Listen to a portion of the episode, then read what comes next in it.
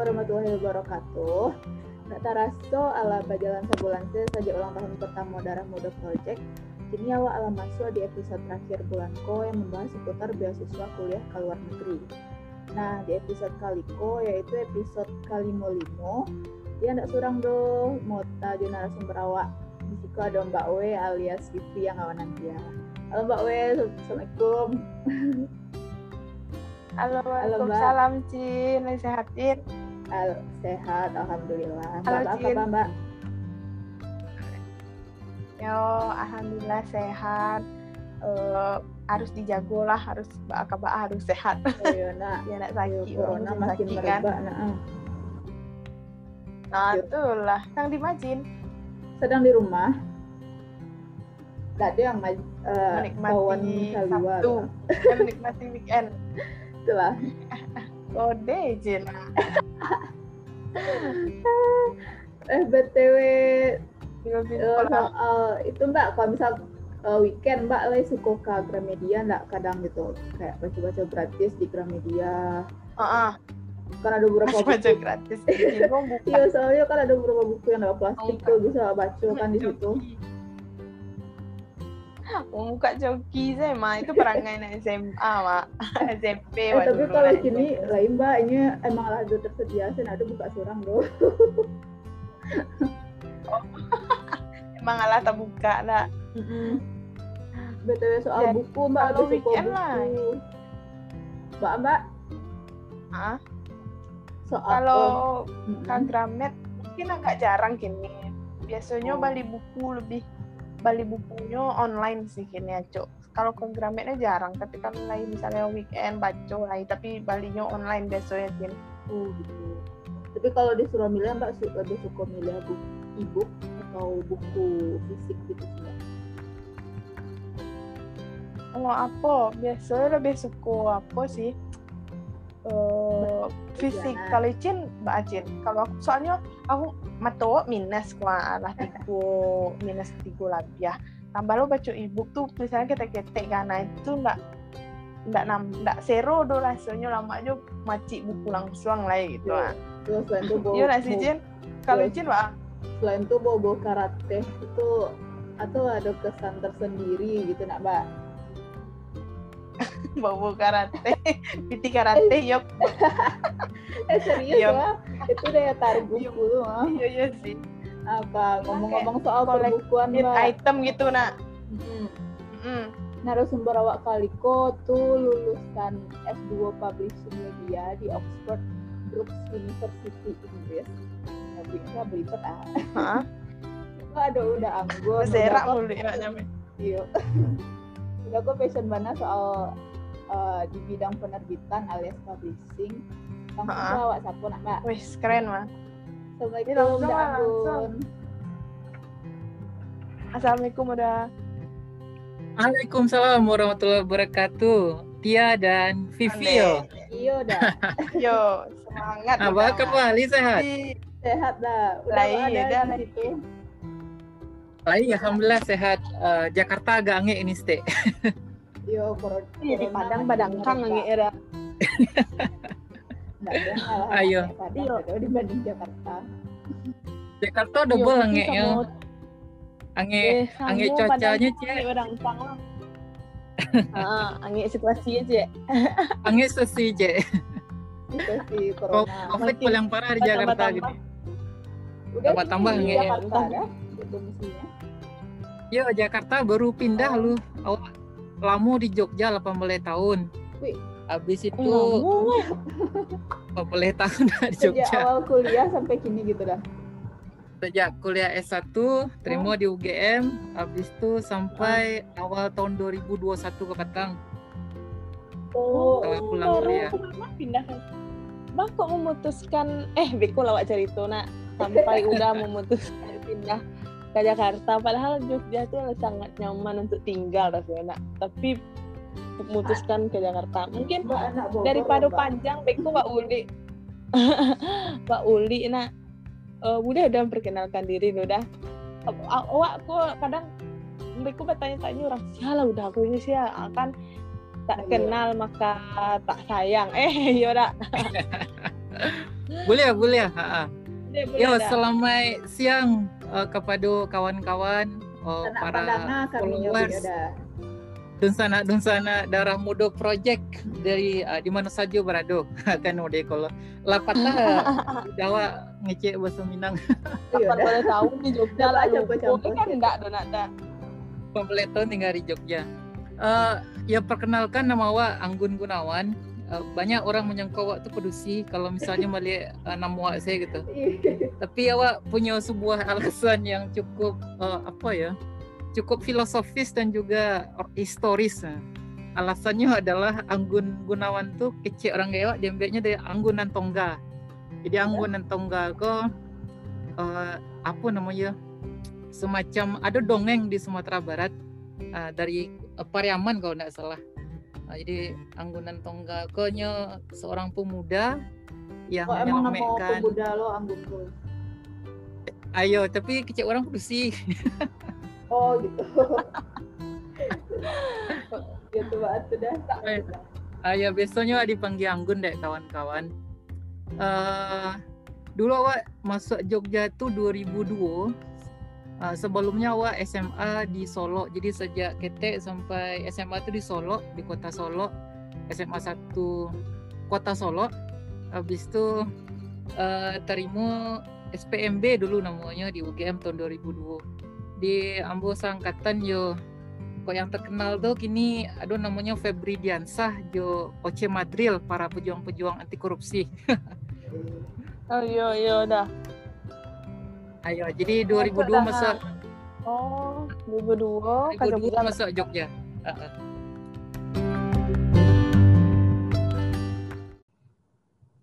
Kalau pas di Jogja eh, maksudnya jurusan waktu itu apa dah? Sampai kini kan tentang publishing media gitu. Kalau pas di Jogjanya apa dah? Jadi awak sejak dulu tuh emang agak aneh ya dalam memilih jurusan. Jadi Oh. awak dulu tuh Kecelakaan Oh, ambil pingin- jurusannya dah. Satu ya. ayo, jadi dulu awak pingin mencari Tuhan tuh ada tindak gitu. Barek kajinya. Barek kajinya. Habis itu awak baca-baca ada tafsir keluaran dari uh, Kementerian Agama dulu nama Departemen Agama. Itu tasobok awak namanya filsafat gitu, falsafah. Ah, Kayak rancak lo masuk ke filsafat mah hanya mencari kebenaran ceknya. Awak cuba lah masuk uh, SPMB masuk tu. Kironya masuk filsafat tu ya panjang mencari Tuhan ya. Depannya gitu. Jadi Ya kayak panjang dibuatnya. pertanyaan-pertanyaan ya menyentil anak makanya kayak pengen penasaran oh di jurusanku bantu nyoba menemukan jawaban dari pertanyaanku itu mana ada awalnya mungkin gila lu deh milih siskom unan dulu mbak. Penasaran soal mbak abu robot. Kira pusing sampai gini. jadi tapi kan itu adalah jalan awak sih. kini mas Mas, Iya, yang berarti kini eh, lanjut S2-nya di di mana Di Inggris Pak lanjut S2. oh ju, eh, pa- jurusan publishing media nah itu bara lama dah Eh, lamanya di Inggris tuh adalah kalau misalnya orang-orang yang pingin capek karajo, kemudian tidak lama pingin kuliah, acak ke Inggris. Karena S2-nya cuma setahun ya. oh capeknya ya dah langsung Ah, selesai Cuma deh. S- Hah? Cuma dek setahun tuh, eh, ya seperti testimoni dari kawan-kawan sebelumnya yang kuliah di UK ya. Kayak kemarin tuh, kok kemarin, Kapatang tuh kan sama Kemarin dah. Sama Jo Simet kan, media.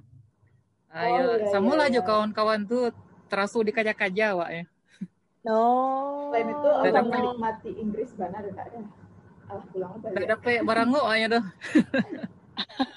dipepet gitu dalam setahun tuh harus sudah gitu dah dah. Ya harus sudah, kau indah eh, gagal wak kan. eh, malu lah wak kan wak penerima beasiswa LPDP mah. oh, Jadi ayo kalau beasiswa tuh harus setahun harus pas setahun nggak boleh lebih seketek gitu dah. Tapi kalau ambil seketek. Aduh kasusnya kawan wak patangnya eh, di London kalau nggak salah. Jadi ini agak lama di membuat tesisnya gitu. Jadi pilihannya adalah nyo terpaksa pulang dulu. Karena di Inggris tuh biaya hidup mahal. Di kayak awak kan, awak kos di Inggris tuh cek kamarnya, cek kamar, bis itu dalam tuh ada kamar mandi tuh uh, lorong tuh kami berenam. Dua orang Prancis, orang Malaysia, Oh, orang India gitu ya. berdua, orang Bahrain. Eh, itu bayar sebulan tuh 12 juta. Wow. Oh. Surangnya itu- berarti 2 jutaan gitu dah. Eh, itu surang orang. 12 juta tuh seorang bayar lah. Lengkap Oh, seluruh itu ada oh, internet, Aduh, bayi- bayarnya, dari bayar listriknya. Oh, mahal ya dah. Mana kuliah di Inggris. Jadi kalau kan- misalnya kawan-kawan yang itu tidak bisa menyelesaikan di masa studi itu biasanya pulang ya lu. Jadi tesisnya kok dibuatnya di Indonesia. Kalau pas bako LPDP bisa sobo eh, bajodoh lah gitu jo LPDP samu alasannya mangga di Inggris gitu dah. Eh, panjang lu ceritanya tuh. ah, jadi Kalau ada dah. ah, ya. jadi LPDP kok nak salah Wak. tahun 2003 balik nak salah mulainya ya. 2003 balik habis itu tahun-tahun 2000 barat tuh 2005 balik tuh lah bikin akun tuh dia dia LPDP di, di, websitenya lah bikin akun tuh cuma akun aku nganggur sampai 2007 balik dia Iya, LPDP kok lah tahu apanya kan eh eh, beasiswanya lah tahu Wak. dan banyak orang testimoni bagus karena eh, biaya yang diberikan tuh memang cover seluruhnya dan tidak pernah telat gitu. Ha, itu testimoni orang-orang. Jadi itu menjadi favorit dulu tuh LPDP itu tahun 2005 balik. Ah, ah. Kawan-kawan lah banyak dapat itu. Jadi lah tahu LPDP kok kan.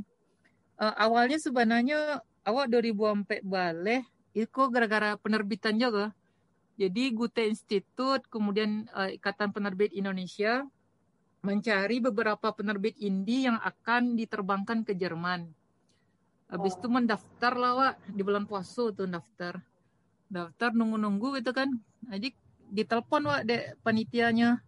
Eh Mas Anggu dari Grey Publishing ya? Oh iya Bu. Oh, Oh selamat ya Anda terpilih sebagai salah satu self publishing yang akan mewakili Indonesia untuk eh, belajar tentang eh, translation right. Jadi jual beli apa tuh buku terjemahan. Nanti langsung pelatihan di Jakarta dan di Frankfurtnya kan? Sana nanti wa dulunya berangkat wa 2004 balik ke Frankfurt mewakili eh, salah satu penerbit indie di Indonesia gitu. Satu-satunya dari Jogja. Uh, 2004 Satu- balik Di habis Indonesia surang saya ada berapa? kami berangkat itu tiga balik orang yang lain-lainnya yang kadang-kadang yang sabuan dek uh, Vivi sama Tia tadi ada Gramedia, Mizan, Oh gitu. itu ke- Rosda Karya, pokoknya grup-grup gadang lah di Indonesia kok. 10 grup gadangnya. Dewa yang kete-kete. Jadi kalau kawan-kawan tuh nyo cuma di cover di cover separohnya. Kalau di covernya keseluruhan. Oh.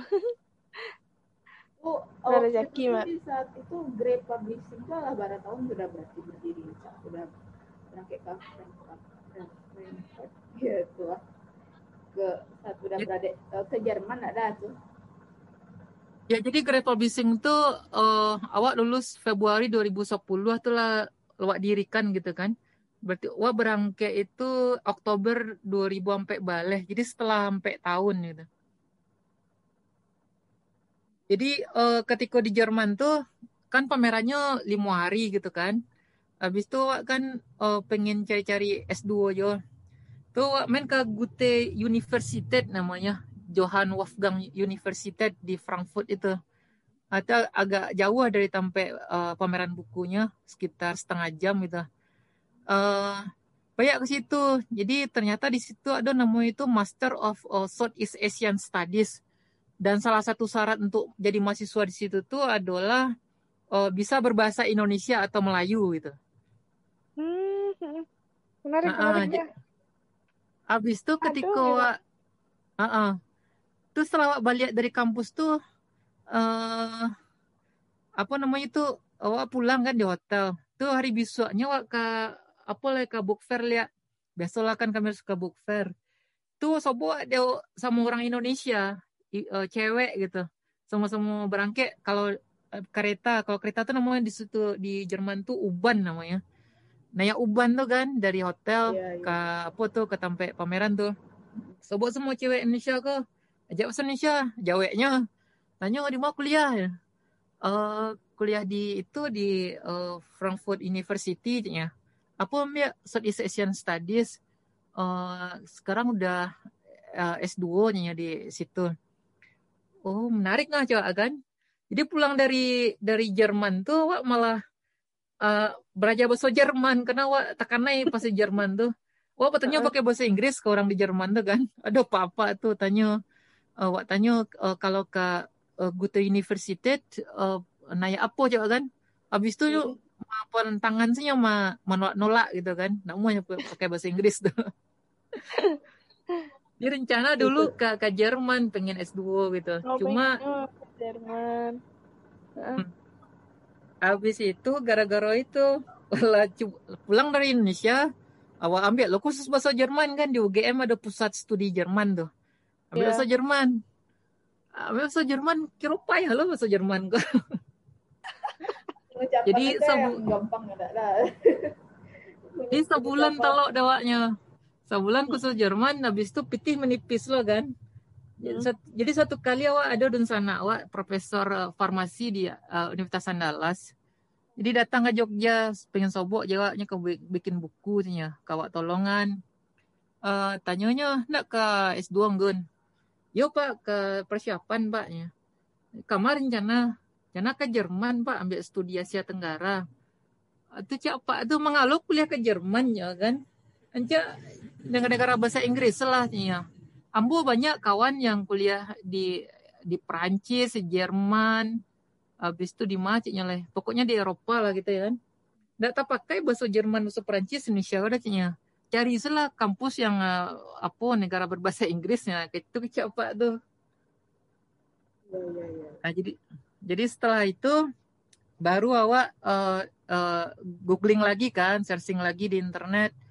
Eh, akhirnya sobolah dengan kampus Iko dan ternyata kampus Iko memang eh, kampus terbaik eh, publishing eh, di UK di dunia pun dosen-dosennya pun eh, membuat buku-buku textbook tentang publishing kok banyaknya dari kampus Wakini kok gitu.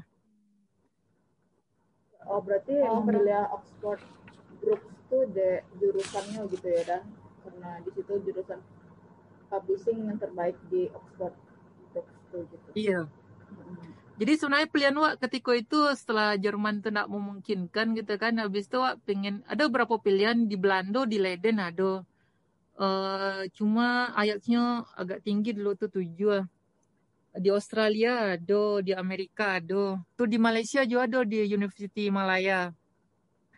Tapi nak tahu pas melihat di websitenya kemudian video-video di YouTube-nya uh, nyangkut saya tiap sama Oxford gitu kan. Uh, boleh di Oxford orang lah terkenal dengan Oxford gitu. Hmm. Ya, alah tenar lah ibaratnya. Ada. Eh tapi Ah, dah ya lah tenar. Oxford Brooks sama Oxford saya itu beda tuh sama sih. Jadi uh, sebenarnya kok dua kampus yang berbeda. Kalau Oxford University itu memang kampus yang tua gitu gitu kan. Dan memang ini banyak mengajarkan uh, sains-sains yang itu sifatnya tuh lah historis dan tradisionalis dalam artian memang bu uh, ilmu-ilmu yang sudah baku gitu. Kalau kampus kayak gini kok ini tuh dulu uh, Oxford Polytechnic namanya. Oxford Oh, Polytechnic. Oh iya iya ibarat Kunan sama Politeknik Kunan gitu ya dah. Ayo, Oxford Politeknik, Oh. kemudian tahun 1992-nya berubah menjadi universitas. Oh gitu. Oh Hmm. berarti bisa eh masih Oxford lah gitu ya. Iya. Jadi eh, perbedaannya kalau Oxford University itu lebih ke ilmu-ilmu yang sudah established gitu kan. Kalau yang kampus Wago ini lebih ke ilmu-ilmu terapan. Jadi kayak vokasi gitu. Oh, kalau Oxford Brooks tuh mungkin lebih ke IPS gitu ya dah jurusannya. Indah udah kalau nyo punya kayak formula student gak, formula one student. Jadi ada tim racingnya. Kemudian kalau yang bagus itu eh, bidang hospitality-nya atau pariwisatanya nomor 9 di dunia gitu. Kalau penerbitannya nomor satunya di UK, kalah Oxford Uni dia ya. Karena di Oxford Uni nak ada jurusan tu dah. Oh, oh gitu. Iya, oke. Beda beda. Apanya nak ada bidang-bidang di universitas kok. Iya. Jadi salah satu uh, apa namanya itu mungkin semacam masukan bagi awak kawan-kawan yang ke kuliah S2 atau S3 gitu ya. Iya. Ya bisa jadi mungkin kampus itu uh, ranking institusinya tinggi gitu kan. Tapi Ah. coba lihat telisik lebih uh, detail karena sekarang kok sekarang kini kok kini Kalau kok uh, lembaga-lembaga perankingan tuh nyala spesifik ke bidang-bidang ilmu gitu. Jadi bidang uh, kayak teknik uh, yang kalau uh, teknik kimia di mana yang bagus, kalau teknik uh, tambang di mana yang bagus gitu. Termasuk yang untuk bidang penerbitan kan di mana yang bagus bisa dilihat. Berarti enggak fokus ke universitasnya saya kini lagi gitu nak rating universitas lain. Eh, Ya, karena masing-masing kampus tuh gitu. beda, uh, rankingnya beda. Hmm. Oke dah. Ah, terus ini udah kan lah lulus pada dari beasiswa PDP-nya dan salah satu bentuk abdi udah dari hasil beasiswa PDP itu adalah mengembangkan usaha penerbitan eh, udah yang kini kan dah yang Grey Publishing ya dah namanya. Iya betul. Ha Ah, eh, boleh cerita nggak ada soal Grey Publishing kok? Mbak akhirnya udah memutuskan untuk mendirikan usaha penerbitan seorang gitu. Mbak awalnya terbentuknya Grey Publishing. Mbak. Ya serupa yang awak cerituan tadi itu jadi Grey Publishing kok memang uh, salah satu apa ya bagian dari cara awak untuk membuat wisuda awak menjadi berkesan dan wah gitu kan dengan menerbitkan buku. Setelah itu banyaklah orang-orang yang apa namanya itu minta tolong untuk menerbitkan buku ke awak, terutama uh, orang-orang dosen-dosen di Padang yang itu kuliah di Jogja itu banyak minta tolong gitu kan karena uh, nya butuh jo gitu. Habis itu setelah awak pulang dari Jerman itu, itulah mulai berkibar. Jadi awak pernah dapat proyek 120 juta, langsung dibayarkan ke rekening awak gitu kan. Belum pernah menerima itu dah gitu.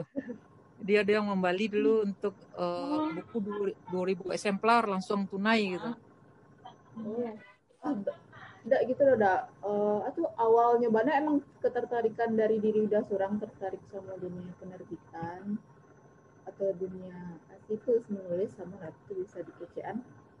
Atau kayak mah gitu bu Eh, tertarik awalnya tuh kayak mah. Muncul Sebenarnya- ketertarikan awal. Sebenarnya dulu tuh awak lebih banyak ketika lamar kerja tuh kayak jadi jurnalis gitu kan. Awak pernah tes di Kompas, di Republika, di Jogja pernah lo masuk KKR. Cuma gagal semua gitu. Gagal sadolahnya. Eh, jadi awak melihat apa sih yang mirip-mirip dengan jurnalistik gitu kan. Eh, kayaknya penerbitanku yang menjadi penyelamat awak eh, bisa bertahan di Jogja karena awak nak mau pulang waktu itu dah. Jadi uh, Grey Publishing Co bisa dikatakan hanya sebagai penerbit kamar kos gitu kan. Jadi awak bermodal cek komputer, habis itu printer, habis itu koneksi internet atau kamar kos. Dulu tinggal di asrama Merapi Singalang dulu di Jogja. Iya. Jadi sampai sampai kini ya masih uh, pakai kamar kos gitu kan uh, penerbitnya gitu. Karena kan kalau zaman kini kan nak perlu awak punya kantu yang kadang tuh nak perlu. Yang penting tuh ada komputer dan koneksi internet. Iya betul ada. Oh berarti uh, Green Publishing kok sampai kini masih aktif dah? Masih maksudnya masih percetakan buku masih jalan dan lain-lain berarti masih uh, sedangkan udah itu di Jogja eh udah kini di Jakarta sedangkan Green Publishing di Jogja itu mbak ada maksudnya ini Jadi ceritanya kok yo pengaruh pandemi juga. Jadi ketika awak dulu wawancara dengan eh, apa namanya ya eh, asesornya LPDP, interviewernya LPDP kan tanya, eh, kalau misalnya anda setelah selesai kuliah S2, anda balik ke Indonesia mau ngapain, Cinya kan? Awak di zaman itu masih pede bisa mengadakan Grey Publishing ke. Jadi awak kecean, eh, saya akan membesarkan penerbitan saya Pak sehingga itu bisa membuka lapangan pekerjaan uh, bagi anak-anak muda Indonesia. Nah, itu ketika wawancara LPDP tuh. Dah. Hah? Nah, Mbak An tuh kan visioner pas diwawancara dah. Visioner deh gara-gara tuh lulus kan tinggi yo nilai wawancara awak tuh Alah yakin lo apa kan eh, asesor ko interviewernya lah yakin lo habis itu tengah-tengah kuliah wak pagi barangke ke Oxford tuh September 2009 balik kironya Maret kan Maret pertengahan tuh eh, kampus sekolah lockdown go ketutui habis itulah kabue gambar Kabue gambar- 2009 balik ya udah. Eh, masuknya kan 2019 Pak, eh, September. Oh iya. Eh, habis itu Oh, iya, iya, Maret iya. kan lah di Indonesia kasus pertama. Iya iya. Di iya. UK, Mm-mm. Pertengahan lah lockdown loh. Eh, cuma anehnya di selama pandemi ke kalau di Eropa di Amerika tuh penjualan buku semakin meningkat. Pas awak Oh, tiba di Indonesia gitu. kan lah selesai wak kuliah. Di Indonesia aku malah banyak toko-toko yang apa sakit kepalanya. Toko-toko banyak lah berubah komposisinya tak buku dah. Kalau di Jogja tuh jebareh ya orang ngaleh lah gitu. Aku bisa gitu dah. sembako ya. Malah Hah? kan ya kalau bisa kalau lebih laku buku buku gitu di di Inggris itu kan di Eropa tuh daripada e-booknya gitu. Kira-kira DA tuh udah gitu kan. Soalnya eh kalau corona kan itu kalau bisa mengurangi interaksi gitu kan dari benda itu kan bisa interaksi. Kok bisa kok bisa lebih lebih banyak penjualan buku malah di saat itu gitu. Kalau menurut pengamatan Oh. pengamatan udah sih waktu itu. Kalau penjualan eh, buku di di Eropa dan juga di Amerika kan di masa pandemi kok kayaknya yang meningkat tuh memang elektroniknya yang meningkat. Oh, oh ibu. Jadi, Ya, e-booknya yang meningkat. Malahan terakhir-terakhir kok baru baca berita eh malahan harga e-book kok lebih mahal dibandingkan yang tercetak leh. oh. Iya gini Ini lah. mau- ya. Jadi mau nyambung cerita tadi, biasanya wak kan wak banyak dapat proyek kan karena wak banyak bantu dosen gitu. Dosen kan nya harus bikin buku kemudian untuk menaikkan kumnya. Biasanya wak akan dapat proyek tuh paling enggak akhir-akhir tahun dapat 50 juta kan proyek-proyek dari kampus. Heeh. Tapi pas pulang kuliah gue ndak ada proyek ada gitu. Habis itu minta PT ke toko buku kan. Oh, mas eh, kita belum bisa bayar ciknya kan karena toko lagi sepi. Habis itu tamanu nggak ya kan. Pulang kuliah penerbitan rencana ke mengadakan penerbitan ternyata kondisi Indonesia model iko. Oh, banyak yang tiarap eh, toko buku tiarap, kemudian penerbit-penerbit banyak yang mengeluh, ada yang mengatakan akan tutup, ndak bisa bertahan di masa pandemi gitu. Habis itu pikir-pikir awak ah, kayak lah dosen salah awak ah. Kebetulan di Indonesia kok ada satu-satunya eh, prodi penerbitan di Indonesia gitu. Ah, tampaknya sampai wak yang gini kok yang polimedia kok. Oh, makanya di Jakarta sini berarti ya udah. Ah, ya gara-gara itu loh ke Jakarta. Tapi grup eh, publishing udah di Jogja masih berjalan tetap dia udah jadi dosen ya. Publishing te- ternyata kan tetap masih berjalan gitu berarti dah. Jadi awak cuma punya penerbitan, sementara nyetaknya wak di percetakan lain gitu. Jadi wak cuma punya penerbitan hajanya. Jadi makanya wak kecian wak cuma penerbit kamar kos karena wak ndak punya apa namanya itu ndak butuh banyak tampek tuh. Iya iya. Ah karena menyambung tadi ku sebenarnya nyambung mana uta zero ku ada antara pandemi terus ibu buku digi- digital sama buku cetak lah. Eh, dulu nggak ada mungkin orang lah bergeser ke digital apa pendapat udah terkait fenomena yang kayak mungkin orang eh, banyak yang baca buku tuh yo kayak eh, beli buku e-book saya caleg dari HP atau mungkin ada beberapa yang tahu memang masih suko lah ibaratnya jadi collected item lah buku kan kepuasan sendiri. Dari berapa udah terkait itu mbak ada sini. Uh, jadi ada perbincangan yang menarik uh, soal uh, buku tercetak dan buku elektronik kan. Terutama uh, pada awal-awal tahun 2000-an, sekitar 2005-an, 2007 tuh uh, menarik karena uh, Amazon lagi naik, kemudian Google Books juga uh, berdiri gitu kan. Dan beberapa ahli itu memprediksi bahwasanya buku-buku tercetak kok akan dikanibal oleh buku-buku elektronik. Mm-mm. Banyak prediksi model itu. Tapi setelahnya tunggunya sampai tahun 2010 lah sampai 2020 gini ke malah tidak terjadi dah. Jadi uh, misalnya kayak di Jerman atau di Amerika gitu ya. Jadi sharing market dari electronic books uh, Iko ke uh, udah mentok di 10%. Udah mentok di 10% dan orang masih tetap untuk menikmati buku-buku yang Buku. tercet tercetak. Uh, uh, ternyata memang faktornya itu ada riset terbaru yang aku baca. Jadi oh, iya. uh, isi riset tuh adalah tuh di Amerika tuh. Jadi membaca di layar, kemudian membaca di smartphone itu mempercepat proses apa ya rabun ke uh, tingkat visi penglihatan pada manusia ceknya. Jadi makanya kalau anak-anak ketek dikasih gadget tuh kan bekol lah pakai kacamata sih sejak ketek tuh. Lima tahun lah pakai kacamatanya gitu. Oh iya iya kayak kalau visi ya lo sih maksudnya tadi yang di awal nggak terlalu suka baca ibu karena masalah kesehatan mata lo kan gitu. Iya. Jadi kalau di Eropa sendiri pun ah. udah mentok paling paling mentok tuh 15% uh, apa sharing hmm. apanya uh, pembagiannya gitu, sharing revenue-nya.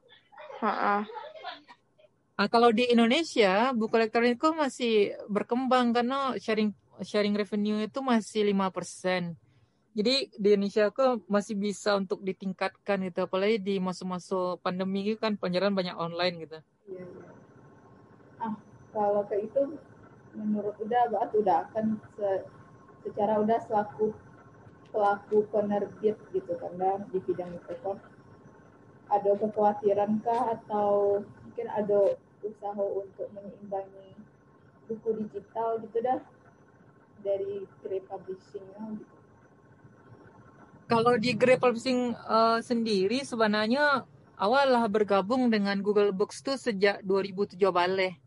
Uh, kini oh. awak coba masuk ke, ke Amazon gitu dan di Google Books tuh lumayan sih tiap bulan nyagianya pitiak tuh ditransfernya ke rekening awak. Hmm, gitu. Lumayan. Oh, apa Grey Publishing gitu dah buatnya di Google Books. Yo, Allah do barat tuh sekitar 70 buku lah masukan ke Google Books gitu. Uh-uh. Oh berarti dari itu sebagai kayak contoh alternatif lain juga sih dah di zaman pandemi kok kalau Indonesia kan mungkin grafiknya pemberian buku dan lain-lain mungkin rada turun gitu kan. Ya beralihnya ke Google Google Book gitu kan.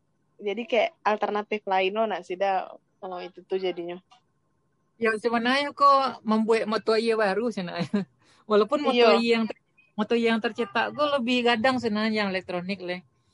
Oh. Kalau yang kalau Google tuh 70 kan paling wak dapet ya paling sebulan 300 kadang kok sepi 100 gitu. Tapi emang hmm. masih cuma kalau di Shopee masih lumayan kalau yang penjualan yang tercetak.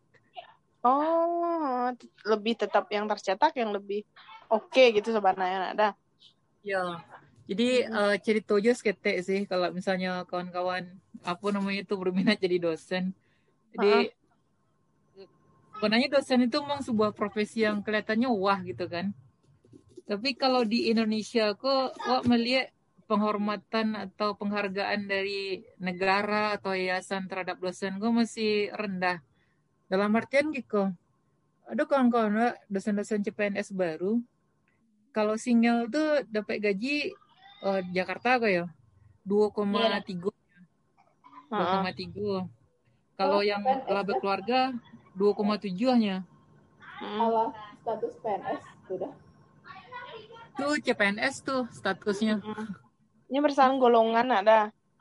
Berdasarkan golongan. Uh, jadi apa ya? Emang kalau di Indonesia kan emang nggak bisa cie cie matu aja ya, cari matu yang lain gitu. Iya betul ini wah banyak tertolong tuh dari itulah dari penjualan Shopee itulah banyak karena kan orang menyetak buku agak mulai berkurang ini. Iya. Boleh mungkin share oh. Shopee nyarinya apa gitu. Grey Publishing juga dah namanya. Yo, kalau di Shopee uh, lapak wah namanya Grey Publishing Official. oh, tuh di Tokopedia Sip. mungkin ada loh. Tokopedia ada lo tuh uh, uh, orang rumah yang ngurus yang Tokopedia. Oh, tapi sama lah nada. Aja ya. Jualannya sama toko-toko uh, buku-buku Great Publishing juga. Hmm. Dah, tadi itu menarik kok dah maksudnya mau link uh, digital sama uh, publishing uh, cetak biasa gitu kan. Uh, ada stereotip kalau wak baca ya udah di artikel-artikel wah uh, stereotip di Indonesia kok mungkin daya beli atau uh, daya baca masyarakat kok masih rendah karena harga bukunya yang mahal. Ada stereotip kayak gitu dah. Ya, pendapat udah bah kalau yang kayak gitu dah. Mungkin nyambung sama yang di Eropa. Apakah mungkin di Eropa mungkin harga buku lebih murah atau bah ada? Jadi ketika di UK tuh kan, awak kan apa kok banyak candu lo boleh beli buku. Ini payah ke toko-toko buku di Oxford tuh. Iya. Boleh buku kan, bara 300 halaman, 400 halaman. Ah. Harga 30 pound sterling, kali aja 20 ribu. 60 ribu berarti. Beratus. Eh, berapa berapa berapa posterling dah? 600. Ah, enggak, 600 ribu kan? 600 ribu, itu deng- dengan tebal uh, buku sekitar 300 sampai 400 halaman. 600 ribu. Berarti harga buku di Indonesia dengan ketebalan yang sama itu kalau di UK dan di Eropa itu uh, lima kali lipat dari harga Indonesia. Iya. Tahun 2000, 2018 lah awak pergi pameran ke Kuala Lumpur, Kuala Lumpur International Book Fair. Hmm. Awak Ah. walaupun penerbit ketek uh, cok je pameran-pameran ke luar negara. Cuma dapat be- dapat beasiswa. Ah di kalau di Kuala Lumpur tuh di Malaysia itu harga buku bananya tuh harga di Indonesia tiga kali lipat tuh dari harga yang di Indonesia ketika dipamerkan tuh.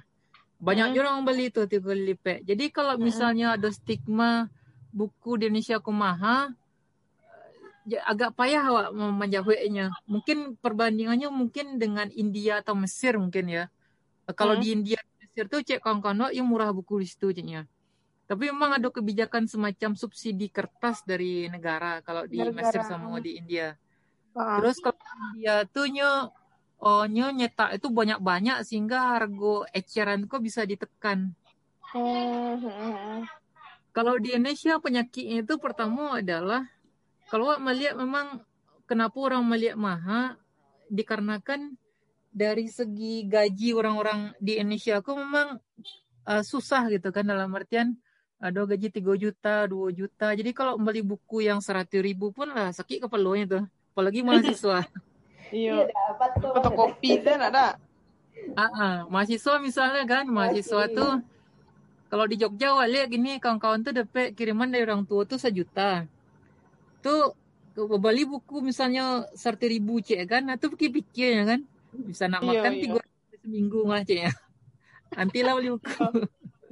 Mungkin ada faktor ya balik lagi faktor ekonomi dan lain-lain gitu lah ada. Kalau terkait Iya.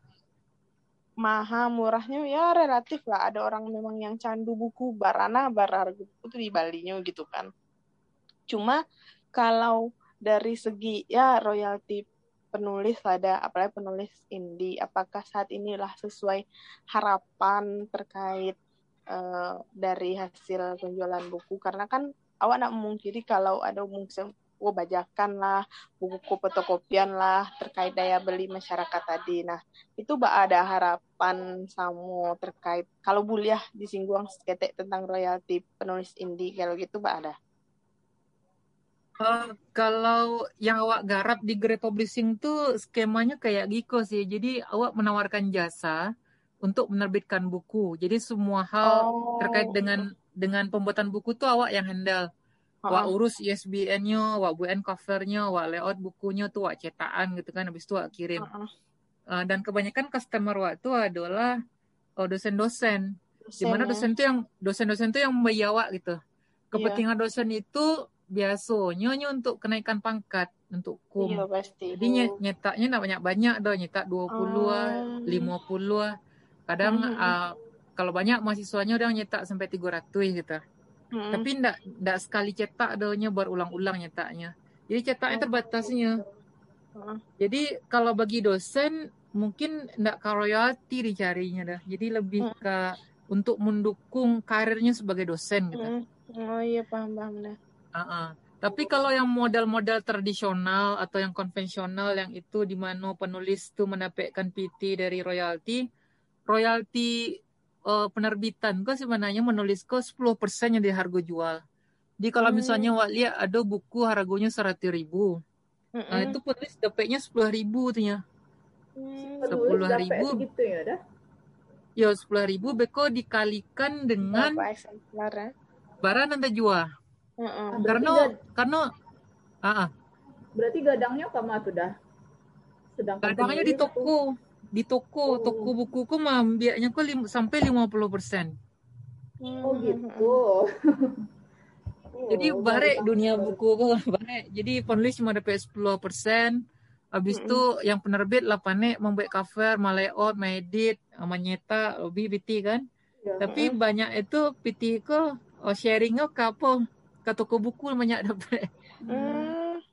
Berarti ibarat Gramedia kan adalah penerbit sekaligus ke toko buku gitu nak dah. Berarti double lah gitu ya.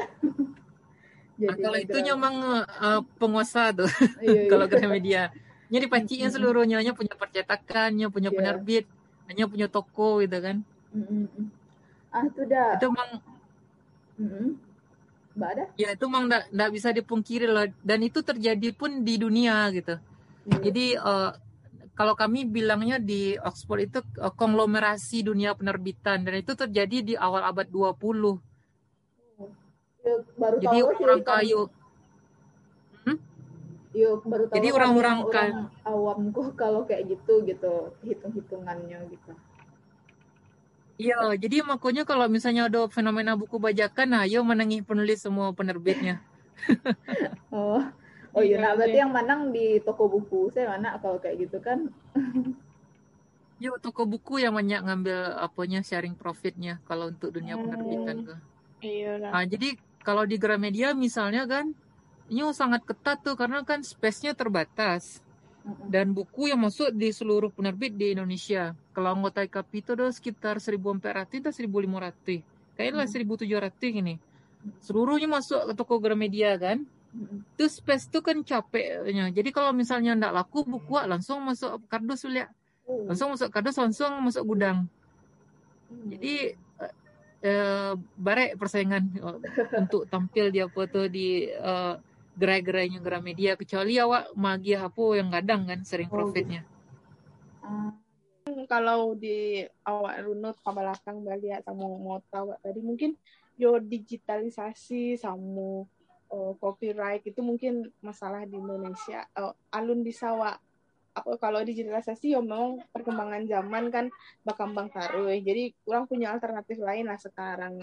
Bali bisa baca bukunya dari cetak atau dari ibu tapi kalau mungkin copyright dan permasalahan yang lainnya mungkin masih para dan stereotip untuk baca buku lebih banyak itu mungkin masih jadi PR lah untuk Indonesia. Nah, se- semoga selanjutnya mungkin akan meningkat yang bisa baca buku, yang bisa akses buku dan minat baca bukunya lebih tinggi. Sehingga dunia jurnal cetakan aku jadi bisa paling enggak ya kalaupun enggak seimbang sama Eropa ya setidaknya lebih baik lah daripada dunia. Dah. Iya. Cuma ya masih butuh proses waktu sih. Harapan awak iya boleh dengan dengan semakin banyaknya orang Indonesia yang kuliah ke luar negari gitu kan. Kemudian di Mm-mm. dalam negari pun lah banyak lu orang bakaja-kaja kuliah S2, S3 gitu kan. Kini iya ini S2 kok kayak kayak kacang abu sih ya. iya Di- udah banyak lah Lah banyak lah master-master kan. Wali di Padang tuh pejabat-pejabat konfina lah master-masternya gitu. lah S2 saya satu ya lah S2 itu orang gini banyak. Jadi memang mudah-mudahan dengan uh, adanya perkembangan semakin banyak orang yang terdidik di perguruan tinggi, uh, interaksinya dengan buku itu bisa berubah gitu. Walaupun banyak Iya. juga banyak kasus ada profesor plagiat, habis itu dokter plagiat Mm. banyak juga di Indonesia. iya enggak iya. tar udah alah kayaknya lah, lah biasa jam lu mau tanah seru lu Nah, mau iya. ta Oh, iya ilmu baru lah untuk kan kalau Vi jurusan Vi pangan gitu kan Icin tadi ilmu komputer gitu. Jadi kayak ilmu baru gitu Baraja tentang jurnalis dunia publishing yang awak sebelumnya nggak tahu lah tentang tentang penerbitan BA gitu kan dan yang paling eh, salah satu gue agak tercangang lo ya ah, royalti untuk menulis ternyata cuma segitu gitu malah lebih banyaknya di toko Jadi- buku malah gitu ya dah Mm-mm. Iya. Jadi sebenarnya awak dengan membeli, buku sebenarnya awak menghargai selain awak dapet ilmu, awak menghargai karya orang lain lah yang Nah, dengan tidak bajakan. gampang loh menulis tuh gitu kan. Heeh. Bukan suatu Jadi yang mudah. Iya dah. Jadi ada cerita menarik. Jadi awak sekelas tuh di Oxford Iya. itu eh, 60 orang. Hmm. 60 orang. Terus kami yang laki-laki ke lima orang ya. Oh, Ah, dia jadi ada jadi ternyata di dunia penerbitan kok wak pai ke Frankfurt kan, wak pai ke Malaysia. Ternyata yang banyak berkiprah tuh ibu-ibu ternyata, cewek-cewek. Mm-mm. Hmm. Terus yang kedua ada tekaji eh, eh, karena kampus aku kan kalau ranking di QS-nya tahun patang eh, 328 kan. Kini ya Mm-mm. agak sampai ratus barat tuh. Iya. Ah, abis itu eh awas kelas tuh ada dua orang alumni Cambridge University, ada Mm-mm. seorang alumni Oxford University. Mm-mm. Jadi yang alumni Oxford kok kan nya nya nomor satu di dunia kan. Iya. Jadi kuliah di kampus yang cuma 300-an 400-an. Heeh. Ini digalaknya dek dek kawannya. Eh, ngapain sih? Enggak dia tuh. Heeh. Ngapain sih kamu kuliah di Brooks katanya kan? Kami kan kalau bilang kampus kami itu Brooks gitu bukan Oxford. Heeh. Jadi ngapain sih kuliah di Brooks itu kan?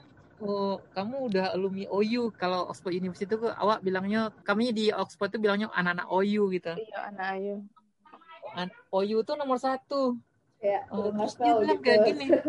seolah-olah gitu ya kecek kawan aku kayak ma, ma punya tuh yang mengejek itu kan, yang mengelak-gelaknya gue. Ah, biarin ya kan. Di Oxford Uni nggak ada jurusan pu- publishing ya kan. Ah, di Brooks ini nomor satu di UK untuk publishingnya. Dan saya besok setelah kuliah mau kerja di itu ya. Kerja di penerbitan jadi berarti di S1-nya pun ya jurusannya enggak enggak publishing gitu loh nah kalau nak kau nak salah PPE nak salah PPE kok kayak mau di Ayunda Politics, Philosophy, and politik. Economics. Oh, iya.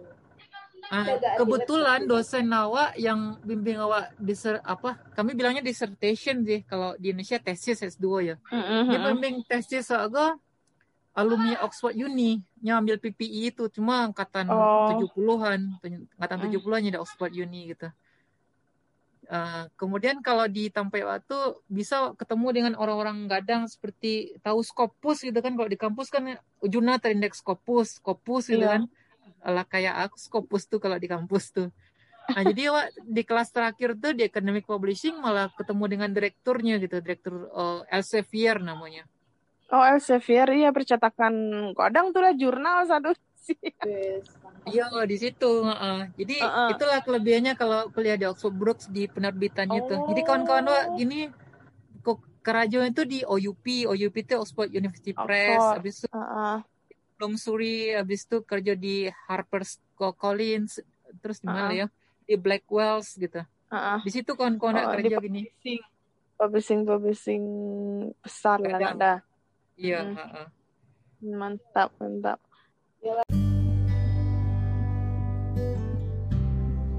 Keren sih cerita udah aku membuka insight baru tentang dunia percetakan lah pokoknya untuk awak Najin dan untuk pandangan Sadonyo pastinya.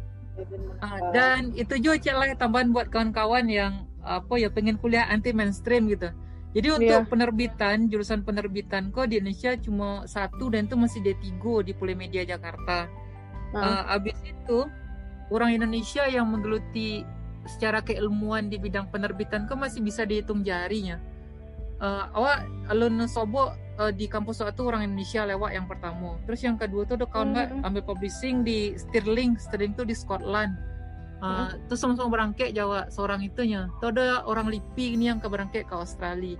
Jadi Hmm. masih bisa dihitung jarinya. Jadi kalau kawan-kawan pengen Bang suku buku, suku penerbitan Iya. kayaknya itu menarik untuk Cocok. dimasuki gitu. Betul. Menarik untuk diulik, didalami, nak dah.